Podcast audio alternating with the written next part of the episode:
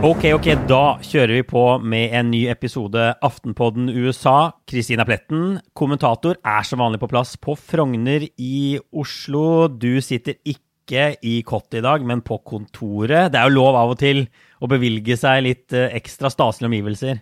Ja, absolutt. Kjempestaselige omgivelser. Og så har vi jo Det har vært en lang natt med valgvake og mye spenning her i, i Oslo. Det har vært spenning på Manhattan. da, Der sitter jeg, eh, Øystein Langberg, som er USA-korrespondent. Og jeg må jo bare si at for meg er valg som julaften. Og valgnatt i Norge er i hvert fall som julaften og 17. mai samtidig. Og det har vært for det første utrolig digg å være tilskuer. De aller fleste valg jeg har fulgt i Europa og USA, har jeg vært særs delaktig. Og valgnatta i USA var jo ikke spesielt morsom sist. Eh, det er deilig å ha en valgnatt hvor, eh, hvor ingen, ingen sier sånn 'frankly, I did win this election' og sånn og nekter å erkjenne nederlag, og det går så pent og pyntelig for seg. Men det som var superdigg her, er jo at man kan åpne pakkene klokka 15, og ikke klokka 21. Altså, rett etter lunsj så kommer valgdagsmålingene og prognosene, og så bare bærer det utover. Og så kan man gå og legge seg i god tid. Det, så jeg kan anbefale bare å følge norsk valg i en annen tidssone. Det er uh... ja, Jeg satt faktisk og tenkte på det etter alt som har skjedd det siste året i USA med valget der, da.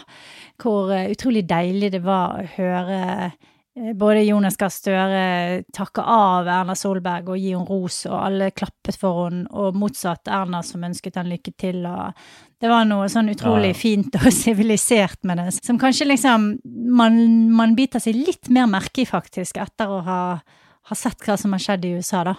Så, så blir det, tror jeg folk er liksom hakket mer bevisst på hvor viktig det der er.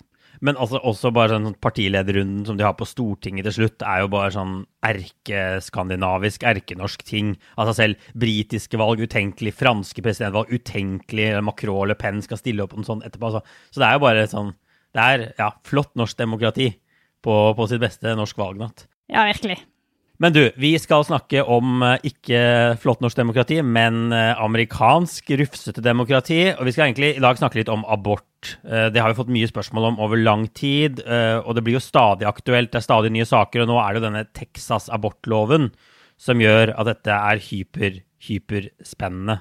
Men det er også egentlig mye mer som foregår på abortspørsmålet i USA. En annen sak som egentlig er mye viktigere og potensielt kan føre til innstramninger over hele USA, som kommer opp nå.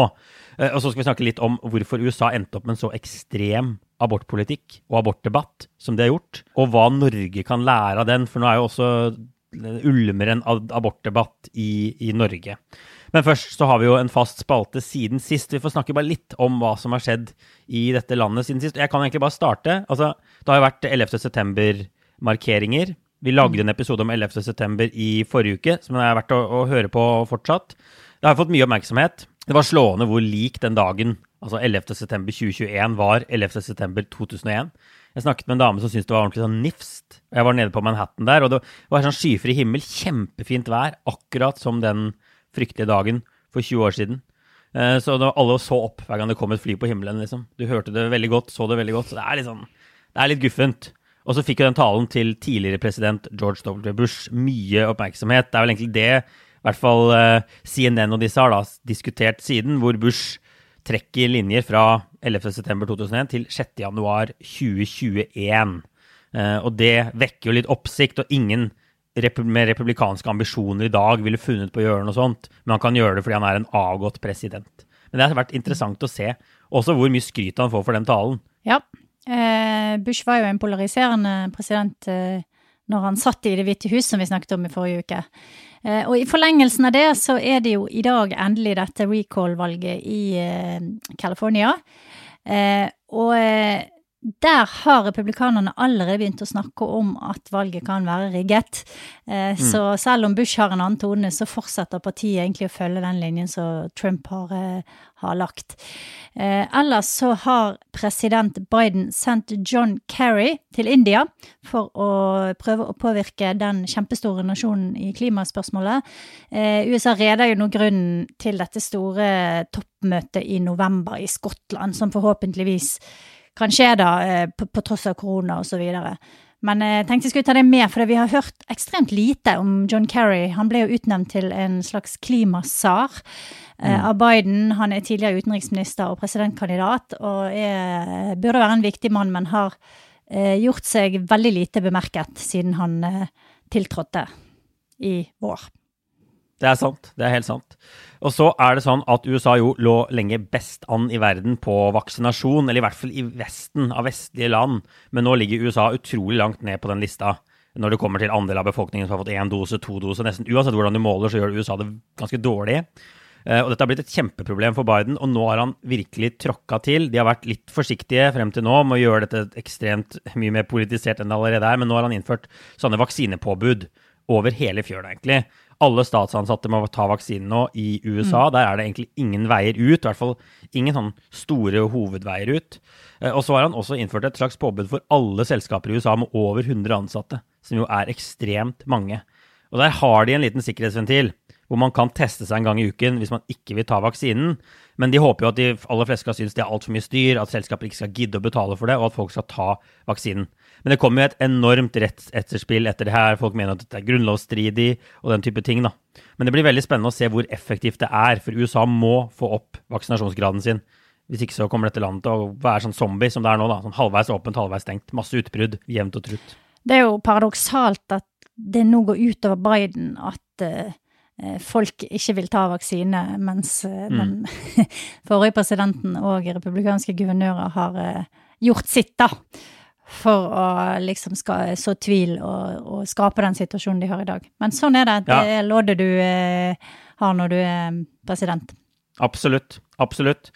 Ok, la oss snakke om det vi er her for i dag, abort. Og jeg tenker vi kan starte med å snakke litt om den merkelige Texas-loven som egentlig kom litt inn fra sidelinjen. Som sagt så hadde vi tenkt å lage en abortepisode ganske snart uansett, men dette gjorde det jo hyperaktuelt ganske sånn plutselig.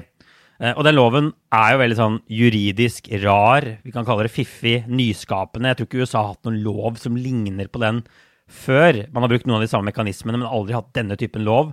Som egentlig Normalt så er det sånn offentlige tjenestemenn, delstatsadvokater, politi, altså staten, eller delstaten i hermetegn, de håndhever disse lovene. Men denne loven forbyr denne type tjenestemenn eksplisitt å håndheve loven. De får ikke lov til å håndheve loven. Det er kun vi kan kalle det vanlige folk, da, for å bruke et hermetegn til, som har lov til å håndheve loven. De går til sak i det sivile rettssystemet når noen bryter loven. Og denne nye abortloven sier jo i praksis da, at man ikke får ta abort etter seks uker. Det er vel det som egentlig er det konkrete utfallet. Og for å si det på en annen måte, den forbyr de aller, aller fleste aborter i Texas. For de aller, aller fleste aborter skjer etter uke seks. Men sånn helt konkret da, så er det jo uh, ikke lov til å ta abort når man registrerer fosterets hjerteslag. Det er det den loven, den loven sier. Men nå er det nesten umulig å få abort i Texas. Eller er umulig å få abort i Texas. Sånn jeg leser disse ulike klinikkene. De har stengt. For de er altså så redde for å få bøter. For bare for å ta den siste tingen, da. Det som kan skje, er jo at når vanlige folk går til sak, så kan de da få 10 000 dollar i en slags sånn, hva skal vi kalle det, en bonus. Altså, De får dekket sine saksomkostninger hvis de vinner, og de får 10 000 dollar i kontanter. Og de kan i, prinsippet bli saksøkt Altså folk som har hjulpet noen med å ta en abort, kan bli saksøkt uendelig mange ganger, så de kan få enorme sånne søksmål mot seg. Så det er en veldig veldig rar lov. For det er damene som, eller, og kvinner som tar abort, de kan ikke bli saksøkt, men alle som har hjulpet rundt, kan det. Så det er sånn veldig fiffig måte å prøve å forby abort på, uten å bruke de vanlige mekanismene. Altså, det er jo en, på en måte en snedig lov. Eh, det betyr jo at eh, naboen din, for eksempel, da, kan saksøke ja. abortklinikken og innkassere penger. De har kalt Men, de sier at alle amerikanere skal bli bounty hunters, er ordet de bruker her borte nå, for å få disse ja. pengene, da, ikke sant? Men eh, det er jo Grunnen til at de gjør det sånn, er jo fordi at da er det vanskelig å finne en motpart i et søksmål, da. Eh, mm. Du kan ikke saksøke kvinnen, ikke sant, fordi at hun inngår ikke i dette her, i denne håndhevingen av denne loven. Og, og statens representanter inngår heller ikke. Og det gjør at eh, man står litt sånn eh, forvirret tilbake igjen da og lurer på hvordan skal vi møte dette her veldig rare lovforslaget. Så det er en mm. voldsom akrobatikk med det juridiske regelverket. Men det er jo veldig mange som mener at dette helt sånn åpenbart er grunnlovsstridig, inkludert mm. eh, mindretallet i Høyesterett, da. Så eh, ja. jeg tviler jo på at denne loven får stå i det lange løp, også fordi at det kan liksom dras over i andre sammenhenger. Det kan vi jo kanskje snakke mer om seinere, men Ja, ja. eh, ja for at, hvis, altså, det har jo vært Andre stater har eh, vedtatt seksukerslover før, men de har gjort det i mer den tradisjonelle måten å gjøre det på, hvor man kan gå i fengsel og bruke strafferett og staten til å håndheve det. Og da blir det bare sagt dette er grunnlovsstridig på flekken. Så er det at de har gjort dette, denne krumspringen rundt, og jeg er helt enig, de aller fleste sier at dette kommer antageligvis til å bli erkjent grunnlovsstridig til syvende og sist, men det kan ta lang tid, for det er jo ingen det har ikke blitt utført noe abort i Texas engang. De, de har ikke noe sak de kan på en måte ta inn i rettssystemet, så dette kan ta ganske lang tid, ser det ut til. Og som du sier, Høyesterett de hastebehandlet denne loven. De har en sånn midlertidig mekanisme hvor de kan kikke på det. Uh, og der sa de aldri om den var grunnlovsstridig eller ikke. Jeg tror det eksplisitt står i uttalelsen fra Høyesterett at de ikke tar stilling til om den er grunnlovsstridig. Men de, de lar den passere, for denne, denne, loven er så ny og annerledes, og de må liksom la den gå sin gang litt i rettssystemet. Sånn tolker jeg de. Og det er i hvert fall det de forsvarer seg med, da, flertallet i Høyesterett. Men det var jo bare så vidt Høyesterett lot denne loven passere.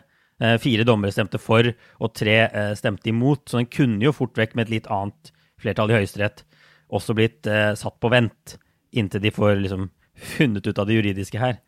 Ja, og bare presisere det, så var det ikke sånn at Høyesterett tok egentlig ikke stilling til selve loven, men de tok Nei. stilling til om de skulle blokkere den eller ikke. Og det gjorde Mm. de da ikke. Ja, nei.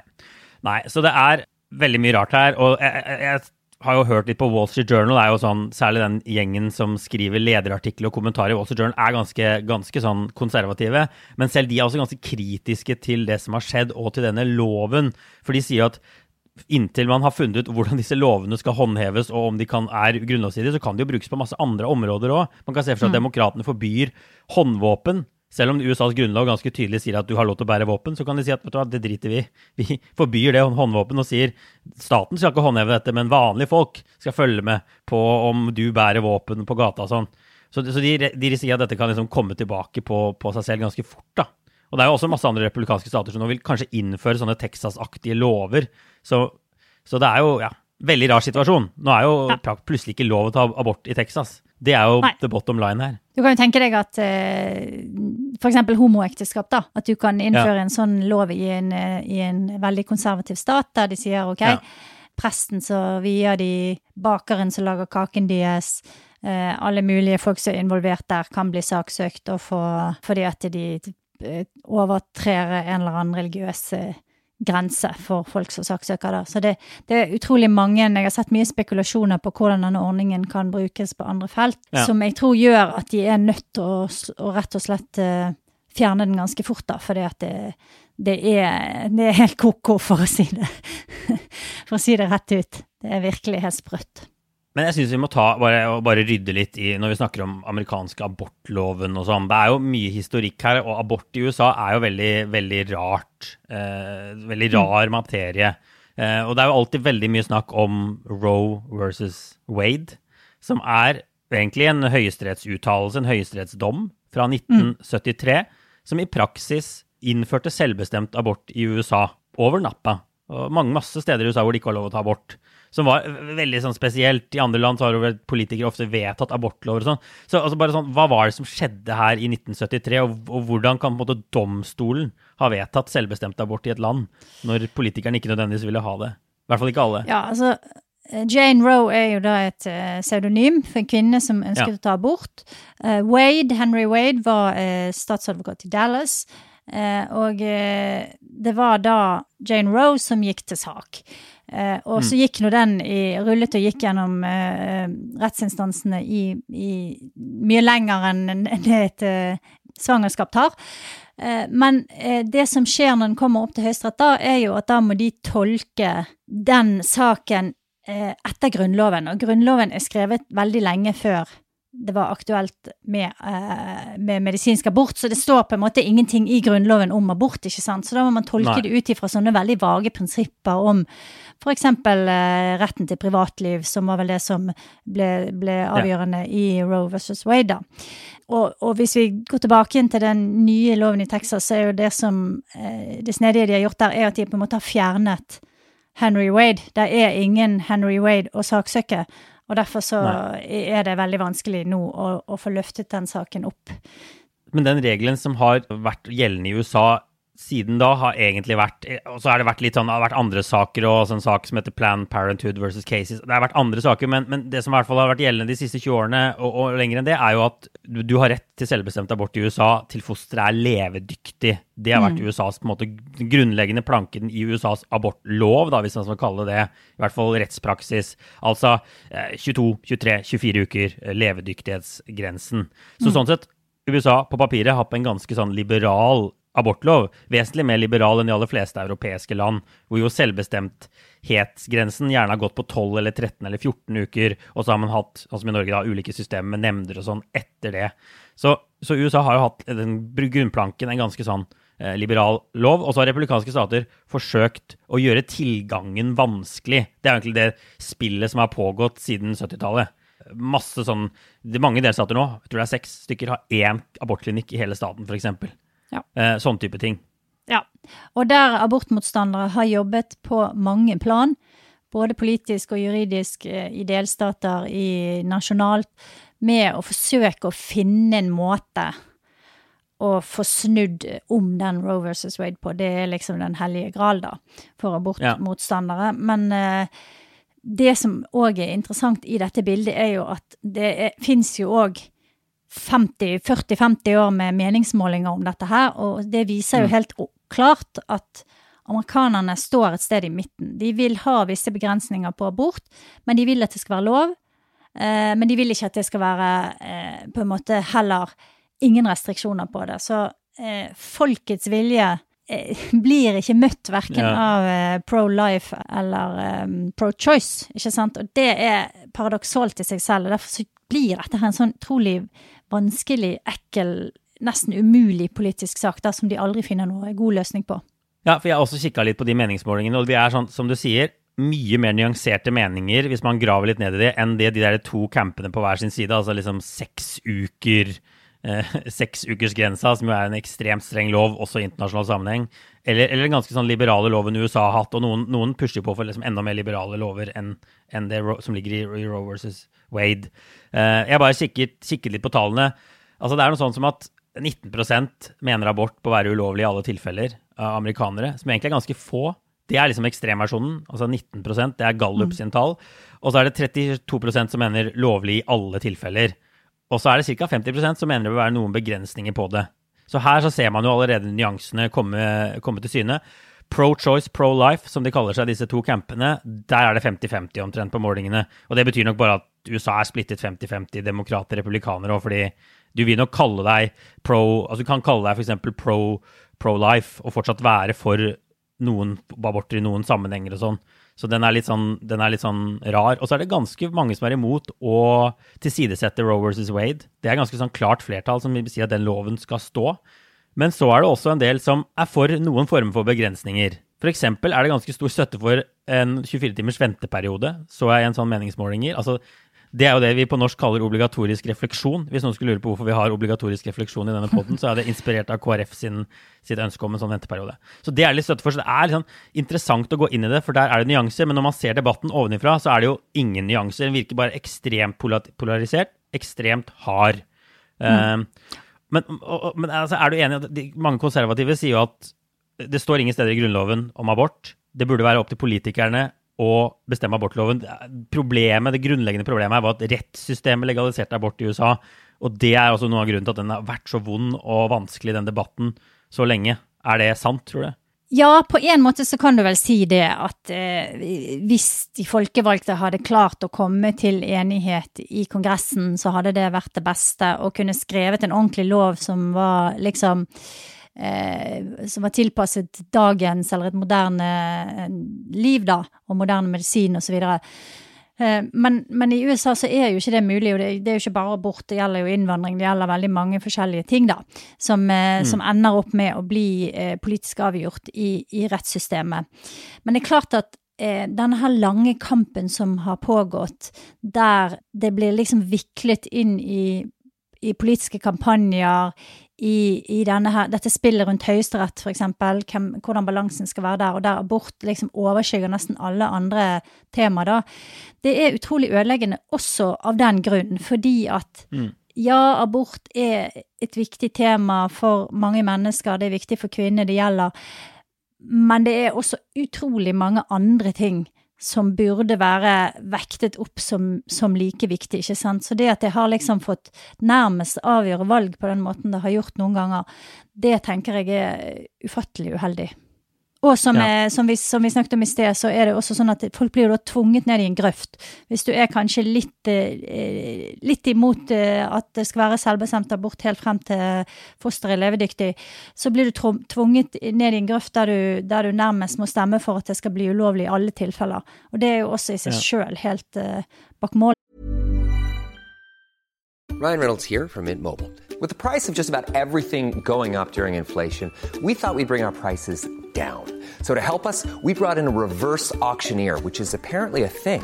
Mint Mobile unlimited premium wireless. Ready to get 30, 30, bit to get 30, bit to get 20, 20, 20, bit to get 20, 20, bit to get 15, 15, 15, 15 just 15 bucks a month. So, Give it a try at mintmobile.com/switch. slash $45 up front for 3 months plus taxes and fees. Promo rate for new customers for limited time. Unlimited more than 40 gigabytes per month slows. Full terms at mintmobile.com. Så når man snakker om abort i USA, så er det alltid masse snakk om, om Høyesterett. Det var som vi snakket om, Høyesterett som tok den avgjørelsen i, i 73 om, om legalisering eh, av selvbestemt abort. Og nå er jo alles øyne igjen rettet mot Høyesterett, og det var det allerede før denne Texas-loven kom. Fordi Høyesterett For det første, vi får jo si at sammensetningen av Høyesterett er jo nå sånn, blitt ganske sånn vindskeiv, vi får si det sånn, at eh, det har jo vært mer normalt at det har vært omtrent like mange liberale som konservative dommere. Men pga. Donald Trump og det som skjedde under hans periode, så er, det jo nå sånn at det er seks konservative dommere i Høyesterett og tre liberale dommere. Og Trump har eksplisitt sagt at han vil utnevne dommere som skal tilsidesette Roe versus Wade. Det har vært målet til republikanerne i lang, lang, lang tid. Og nå har Høyesterett sagt ja til å ta opp en lov som er mye mer interessant enn den Texas-loven som de fleste kanskje vil si at er grunnlovsstridig, som er en 15-ukerslov fra Mississippi. Og den skal ikke hastebehandles, den skal få en ordentlig behandling i Høyesterett. Denne høsten så kommer det kanskje en uttalelse til våren. Mississippis lov er en sånn 15-ukerslov, så den forbyr de aller fleste aborter etter uke 15. Men den tillater du da før. Og det da som Høyesterett har sagt at de skal ta stilling til, det er om De, de har liksom snevra dette ned til et spørsmål om alle lover som forbyr abort før levedyktighetsgrensen på 22 uker eller 23 uker eller 24 uker, er grunnlovsstridige. Så de skal egentlig ta til et sånt, stilling til et litt sånn filosofisk spørsmål om det er lov til å forby da, abort før uke 22 eller 23 eller 24 i visse tilfeller. Og det vil nok være for de konservative dommerne i Høyesterett altså mye mer interessant spørsmål og mye vanskeligere spørsmål. Det er jo flere av de som er dypt religiøse, og som har skrevet masse kritisk om abort tidligere, og som kanskje vil tenke 15 uker er en OK grense, f.eks. Eller som kanskje vil tenke dette er en anledning til å kvitte seg med hele Roe versus Wade og skrive det opp til delstatene og bestemme abortgrenser fra første uke, på en måte.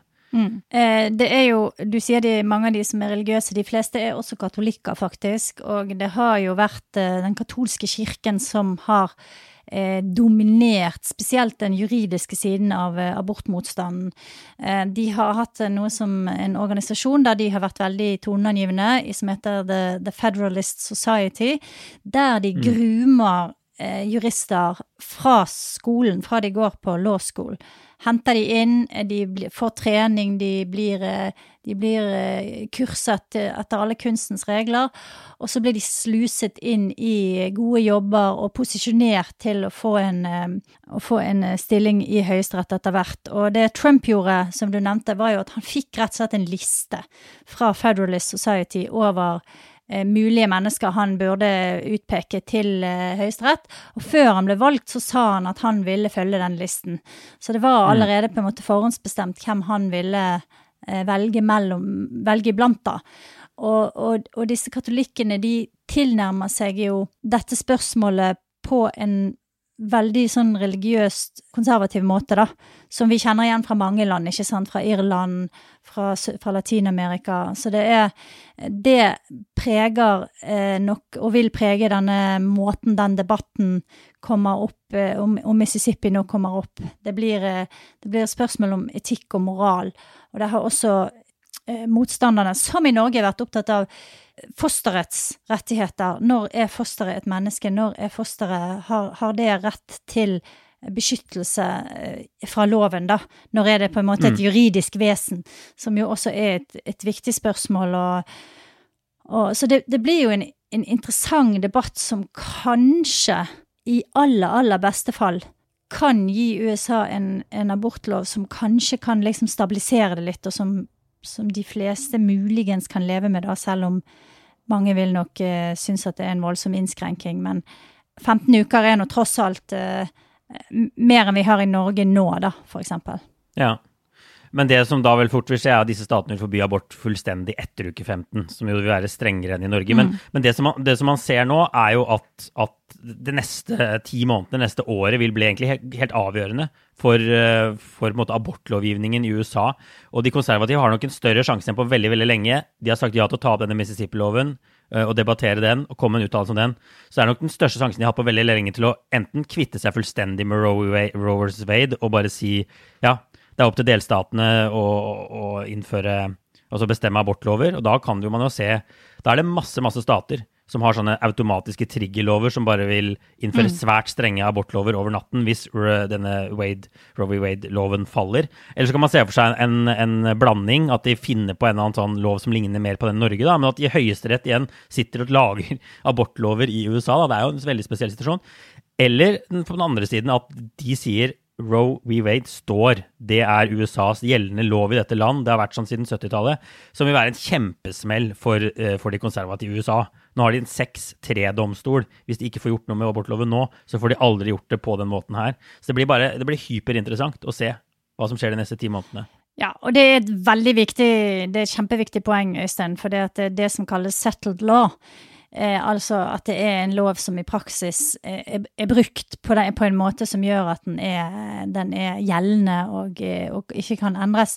Det er jo et spørsmål som alle disse her eh, dommerne får når de går igjennom denne eh, prosessen med å bli godkjent. Da. Og eh, de fleste av de har jo sagt at Roe versus Wade er settled law eh, når de mm. får spørsmålet. Og dersom de velger å gjøre noe med den, så kan de jo også sette en presedens for andre ting som de kanskje er mindre interessert i å, å, å omstøte, ikke sant. Så det, de, mm. de, kan lett sette seg sjøl i en klemme der også. Så det er jo eh, ganske mange som mener at selv om disse dommerne er eh, i prinsippet og moralsk mot abort, så eh, vil de være såpass konservative juridisk at de ikke vil kaste om på, på loven, sånn som, sånn som de ble bedt om å gjøre her. Ja, og de trenger heller ikke å få med seg alle. Det er jo tross alt tre eh, liberale dommere. De trenger å få med seg to konservative. De har én vippedommer, lederen John Roberts for hele domstolen, som er eh, vesentlig mer moderat enn de andre. Så da må han mm. ha med seg en til. Og da kan de da beholde Rowie Wade, eller lage en, eh, en noe utvannet versjon. da, er, går an å se for seg. Så her er det mange muligheter. Dette skal vi følge med på. Dette blir veldig veldig interessant.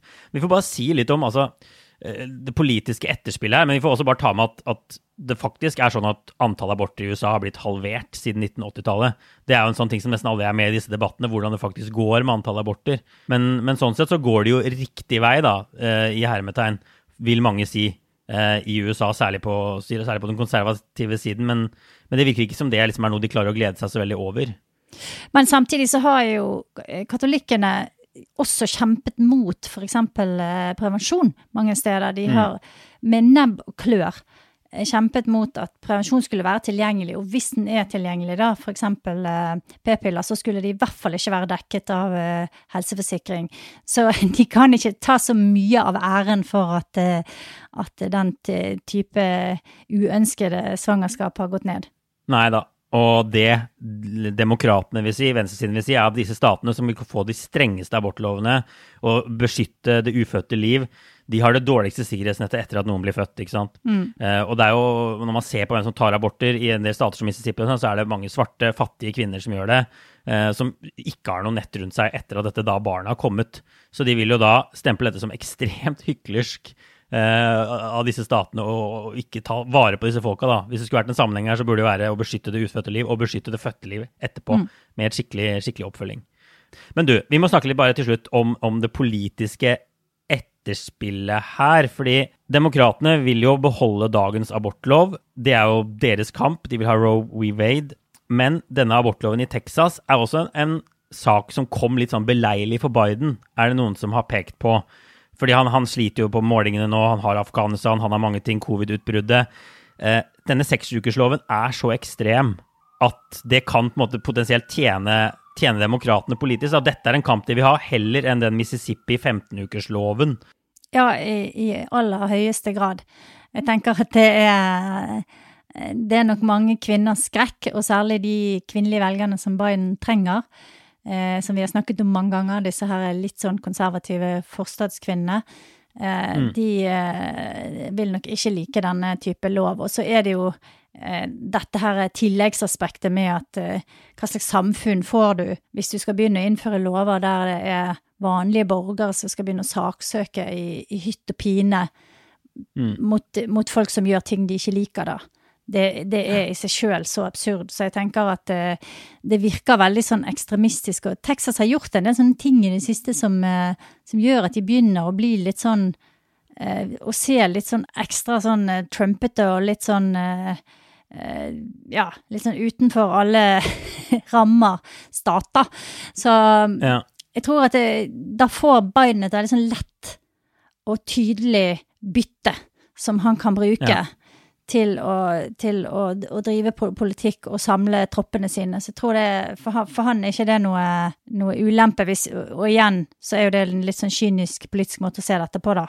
Eh, selvfølgelig. Ja, dette men, er en, eh, definitivt en veldig kynisk måte, all den tid man ikke får abort i Texas nå. Ja. Eh, så er det veldig kynisk. Men også Wall Street Journal pekte på det samme. De, de kalte det på en måte en, en lissepasning, nærmest, til mm. Joe Biden. Og de mener at også mange republikanere prøver å ta avstand fra den loven her, for den er såpass far out there. Og dette er en kamp de ikke, ikke, ønsker seg, fordi de lett kan bli stemplet som så ekstreme. og har gått og støttet abortloven. Så de mener at, at, Texas skyter seg selv litt i foten her ved å innføre denne loven, og at ting kanskje gikk litt, at de fikk til ting de kanskje ikke hadde trodd. da. Ja, og det er liksom Det er litt sånn som eh, Tennessee hadde en lov en liten stund der man kunne sette kvinner i fengsel hvis de brukte narkotika mens de var gravid, f.eks. For, eksempel, for å skade fosteret. Mm. Altså det er litt sånn der, Sånne lover, det, det blir veldig fort et sånt eksempel på hva som skjer når de mest ekstreme eh, av amerikanerne får definere hva som skal være rett og galt, da. Og, mm. og, og, som passer veldig dårlig inn i det som veldig mange amerikanere er opptatt av, at de er liksom først og fremst en, en rettsstat. Et land mm. som, er, som, er, guidet av lover og et veldig solid og viktig rettssystem. Så når du får noen litt sånn her eh, crazy lover som dette her, så svekker jo det også det bildet som jeg tror veldig mange amerikanere har. Ja, vi har jo ikke vært vant til å diskutere så mye abort i Norge. Det har nærmest vært en ikke-politisk sak. Men jeg har jo fått med meg noen av de politiske TV-debattene, jeg også. Jeg så bl.a. på den til TV 2, hvor de viet en god del tid til abortspørsmålet. For det har jo blitt en debatt i Norge nå. Det er flere partier som Så det er Arbeiderpartiet vil ha 18-ukersgrense på selvbestemt abort. Og så er det noen som vil ha til levedyktighet eller 22 uker. Litt sånn forskjellig av partiene på, på venstresiden. Eh, og da ble det en debatt, en politisk debatt. Og du har jo tidligere skrevet kommentarer hvor du advarer litt mot amerikanske tilstander i norsk politikk. Tror du det er en, fortsatt en fare for det? Jo, ja, jeg tror absolutt det er en fare for det.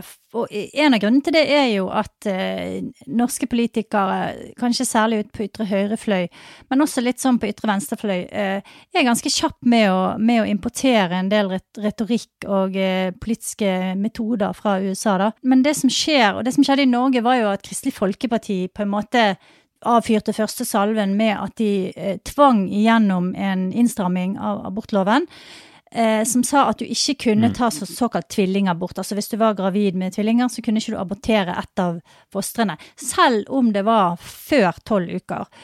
Og da reagerer jo motparten med å sette abort på agendaen og si at ok, eh, den er under angrep, abortloven er under angrep, vi må sikre den, og vi må utvide den. Og det er det som har skjedd i mm. USA. Det har liksom dratt seg mer og mer til i den retningen, sånn at partene ikke stoler på hverandre. De stoler ikke på eh, den andre når de sier nei, nei, nei, vi vil ha en eh, moderat, eh, god lov som alle kan være enige om. De sier nei, du vil egentlig ikke det. Egentlig så vil du helt forby abort. Og det vi har sett i, i valgkampen her hjemme som er innmari interessant, det er at Kjell Ingolf Ropstad, leder for Kristelig Folkeparti, har blitt spurt mange ganger rett frem er du imot selvbestemt abort. Og han nekter å svare på det. Han bare snakker seg rundt og rundt, og vil ikke svare på det selv om det er et av partiets viktigste saker. Og det er klart at det gjør at folk ikke stoler på at ikke KrF hvis de får sjansen, vil prøve å, å tweake på abortloven og presse den enda lenger ned. Og det gjør at du får en sånn utspill-motutspill-situasjon, ikke sant, der det bare baller på seg. Jeg, jeg, tror det er ekstremt uheldig, og i Norge så ha, har vi en god abortlov. Vi har en ordning med at det trer en nemnd i kraft etter tolvte uke. Mange mener at det systemet med den nemnden bør, bør ses nærmere på, men det hadde gått an å gjøre det på en måte som ikke var så polariserende, da. Men klart at politikere lever jo på en måte av å, av å fremme, fremme, kontraster. Men akkurat i denne sammenhengen her så tror jeg bare det er utrolig ødeleggende. Og unødvendig. Det blir interessant å se hva Det kommer en ny mm. regjering nå. Det blir interessant å se hva de ender opp med. Om de ender opp med å endre den norske abortloven også. Om det ender opp med å bli en større debatt, eller om de legger den død, eller hva de, hva de mm. bestemmer seg for. Det blir spennende, men det var i hvert fall en advarsel fra Kristina Pletten der om ikke importere den amerikanske retorikken, i hvert fall i den norske, norske debatten. Say hello to a new era of mental health care. Cerebral is here to help you achieve your mental wellness goals with professional therapy and medication management support. 100% online. You'll experience the all new Cerebral Way, an innovative approach to mental wellness designed around you. You'll get a personalized treatment plan from a therapist, prescriber, or both in a safe and judgment free space. Your cerebral therapist or prescriber will outline a customized plan with clear milestones along the way, so you can get to feeling your best. With Cerebral, you're not alone in your mental health journey. We're here to empower you to live a fulfilling life. So take that first step towards a brighter future and sign up today at cerebral.com slash podcast and use code ACasts to get 15% off your first month. Offer only valid on monthly plans. Other exclusions may apply. Offer ends July 31st, 2024. See site for details. When you're ready to pop the question, the last thing you want to do is second guess the ring. At Bluenile.com, you can design a one of a kind ring with the ease and convenience of shopping online. Choose your diamond and setting. When you find the one, you'll get it delivered right to your door. Go to Bluenile.com and use promo code LISTEN to get $50 off your purchase of $500 or more. That's code LISTEN at Bluenile.com for $50 off your purchase. Bluenile.com code LISTEN. Bra. Du, jeg tror vi får ta en liten runde med obligatorisk refleksjon til slutt. Hva har du tenkt på siden sist? Du, jeg har en eh, litt sånn ordentlig refleksjon denne gangen. Fordi at eh, vi fikk en mail fra en eh, lytter av podden som, om den eh, episoden vi hadde om Ron DeSantis og Florida, og der han skrev at han var litt sånn overrasket over at vi var så positive til DeSantis. Og vi snakket jo en del om at han var en hadde vært en god politiker, at han hadde vært flink å posisjonere seg. Men jeg ble litt overrasket om uten å tenke litt etter jeg fikk den mailen. der, for hva er en god politiker, ikke sant? Er, og, og, snakker vi for mye om dette her spillet med å liksom klare å vinne valg og gjøre det bra på meningsmålinger, og for lite mm. om det som faktisk er gjerningen, som er å, å, å, lage, å lage, lover og, og, styre et land. Og gjøre samfunnet bedre for de som bor i landet, da. Der er um, ganske mange sånne rangeringer ute og går av amerikanske presidenter, og en av de som, eh, som gjør, gjør, den mest kjente, han sa det, han sa det at Ronald Reagan eh, blir rangert veldig høyt som, som, president. Han er alltid sånn nesten i topp five. Eh, og det er for det, sa han, ikke fordi at han er nødvendigvis har gjort så mye bra for USA, men han har, fikk gjennomført veldig mye av det som han sa han skulle gjøre. Han hadde et program, og så sa han han skulle gjøre det. Og så har jeg tenkt i forlengelsen, dette blir en litt snirklete tankerekke, men eh, vi, nå har vi jo hatt en debatt i Norge der utrolig mange velgere ikke har visst hvem de skulle stemme på, og det har vært en sånn følelse av at politikerne ikke legger på bordet, de gir ikke folk det de vil ha. Velgerne vil ha visse ting, politikerne sier nei, vi vil ut av EU, eller vi vil gjøre ditt, eller vi vil gjøre datt. Eh, sånn at mange folk har mm. følt at de ikke har noe godt alternativ, da. Og det viser jo valgresultatet. ikke sant? Nå har vi en hel haug med partier som er nesten like store. Og så tenker jeg til slutt på Angela Merkel. Nå kommer jeg til poenget. Oi. Ja, for det at eh, hun skal jo nå snakke av. Det er straks valg i Mm. Tyskland, og i de to tiårene som har gått, spesielt det siste, men, eh, men eh, så, så tenker jeg at den politikeren som jeg syns har vært mest markant og har gjort en best jobb, er Angela Merkel i verden. Det, det kommer ikke til å være, og det tror jeg, eh, når, når man ser tilbake på denne tiden, så kommer det ikke til å være Obama eller, eller Trump, eller i hvert fall ikke Bush. Men, men at hun har stått frem som en sånn veldig pragmatisk politiker, da. Som egentlig gjorde det eh, som var nødvendig, og det folk ville ha, men, men, men ikke var noe sånn voldsom ideolog. Og det er en veldig god tråd på Twitter som oppsummerer henne og hennes gjerning på en sånn veldig enkel måte. Vi kan legge ut en lenke til den. Så det blir min lille OR. Men, Ja. men det er litt sånn eh, Spørsmålet mitt er egentlig skal en politiker fylle tilbud og etterspørsel? Altså skal en politiker gi folket det den vil ha, eller skal den prøve å liksom holde seg til ideologien selv om, eh, selv om eh, ingen, ingen er interessert i det du, du fremmer? Det er litt sånn rart spørsmål, men, jeg, men mm. ja. Jeg hiver Mm. Ja. det nå ut, da. Nei, det blir interessant. Det blir interessant å se. Det kommer sikkert mange sånne gjennom, ja, sammendrag av Merkels ettermæle òg. Hun har jo bare sittet gjennom utrolig mange presidenter øh, og møtt nesten ja, det som kan krype og gå av statsledere. Ja, men eh, hun har måttet svelge mye kameler, og hun har måttet gjøre mye avtaler og forholde seg til Berlusconi, og gudene vet hva slags eh, eh, ustabile typer. Men hun har på en måte loset Tyskland veldig godt gjennom eh, veldig mange vanskelige år, da, og også Europa, vil jeg si. Men kanskje ikke stått like sterkt på, på sine prinsipper alltid.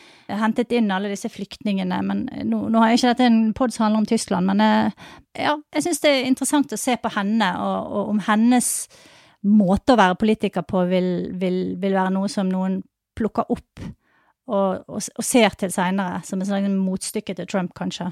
Ja. Ja, Merkels kritikere sier at hun mener jo ingenting i noen saker. eh, og Hun bare liksom, veiver ved vinden og har ikke utrettet noen ting på alle disse årene. Så det vil bli spennende å se ja, hva ettermælet hennes kommer til å bli av. Men du, ja, jeg, min OR er ganske kort uh, til slutt her. Jeg uh, var i uh, Metropolitan Opera her om dagen. Endelig. Stor, New Yorks storstue på opera, og så Verdis Requiem på 9-11. Veldig, veldig, veldig fint. Og det som var slående, var at det var første gang det var mennesker i dette bygget. Det var fullsatt sal på 18 måneder. Det har vært stengt, og det har også vært mye sånne konflikter, interne konflikter i denne operaen. Men det var altså så mye klapping og ren glede, og koret gråt da de kom på scenen. Altså det var Før konserten begynte, så var det trampeklapp og stående applaus i eh, ti, minutter. Var, jeg aldri- jeg har ikke sett maken. Folk var så glad for å være tilbake. Og jeg bare tenker at Særlig i USA, men også mange andre land, altså kultursektoren har blitt tatt så utrolig hardt gjennom denne pandemien. Alt har jo vært stengt. Og Det kan godt hende man kommer til å se tilbake på det som at man gikk litt for langt. Det er mange andre ting som har fått lov til å holde på, men der har bare dørene vært eh, fullstendig stengt. Og jeg snakket jo med en cellist tidligere i år som hadde fått hele karrieren satt på vent, ikke fått gjennomført en eneste konsert og sånn. Så det kan godt hende man kommer til å se litt på det, da. Til slutt. Jeg bor jo sammen med Jeg er gift med Aftenpostens opera- og kulturkritiker, som jo heller ikke har fått vært på en eneste konsert på kjempelenge. Men nå blir det i hvert fall vei i vellinga. Så jeg får bare, bare si at hun lager et veldig bra sånn klassisk musikknyhetsbrev som man kan finne på ap.no klassisk. eh, Som er gratis for alle abonnenter. Og så kan man også abonnere på nyhetsbrevet uten å være ab abonnent. Eh, Men nå blir det jo mye mer konsert igjen over hele verden, får vi håpe, de neste årene. Også i New York. Ja, og jeg eh, abonnerer jo på nyhetsbrevet til Maren, og vil jo bare si at eh, du trenger ikke være sånn super, super eh, god på hverken klassisk musikk eller sånn høykultur da, for å finne det interessant. Det er ganske sånn nedpå og lett tilgjengelig, så det er absolutt eh, verdt å abonnere på det, og det er dessuten helt Ja. gratis. for abonnenter. Men det er kjempegøy. Kjempegøy å være tilbake i saler igjen. Det har vært et, jeg må si jeg savna det, jeg også. Og nå er, det, nå er liksom verden på vei tilbake til normalen. Sånn føles det i hvert fall i USA. Så det er veldig, veldig bra. Men du, jeg tror vi setter strek der, Kristina. Og så ser vi og høres igjen om en uke, og inntil da får alle ha det bra. Ha det, ha det.